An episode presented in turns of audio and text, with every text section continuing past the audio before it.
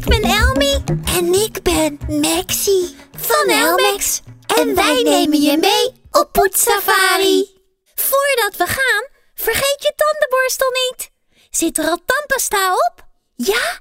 Poets eerst de onderkant. Begin je links of rechts?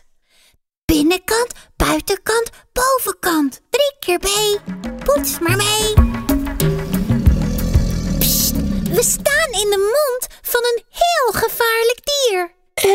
We, willen niet dat hij zijn enorme bek dichtklapt. Weet jij welk dier het is?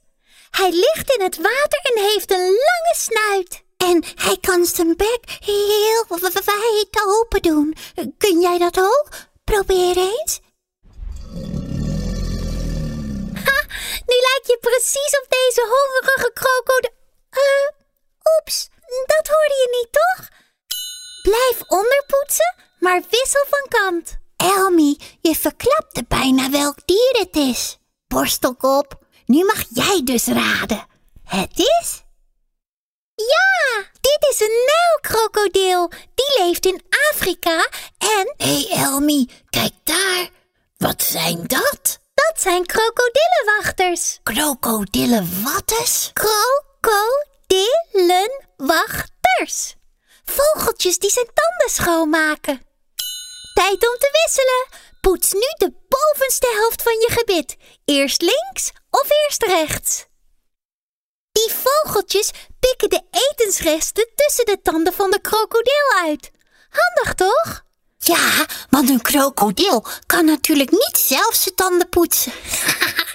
Met die superkorte pootjes kan hij niet bij zijn achterste tanden kiezen. Hihi, ja, en die moet je juist heel goed poetsen. Heb jij al kiezen? Doe nog eens je gevaarlijke krokiebek open. Ja, ik zie zo. Wissel weer van kant. Je bent al bijna klaar. Weet je wat handig is? Als jij tijdens het tandenpoetsen je mond zo wijd open doet als een krokodil, kan papa, mama of iemand anders die jou helpt extra goed de binnenkant van je tanden poetsen.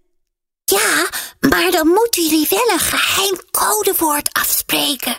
Bijvoorbeeld, eh, krokodil. Goed idee. Dus als iemand tijdens het tandenpoetsen krokodil zegt, doe jij je mond zo wijd mogelijk open.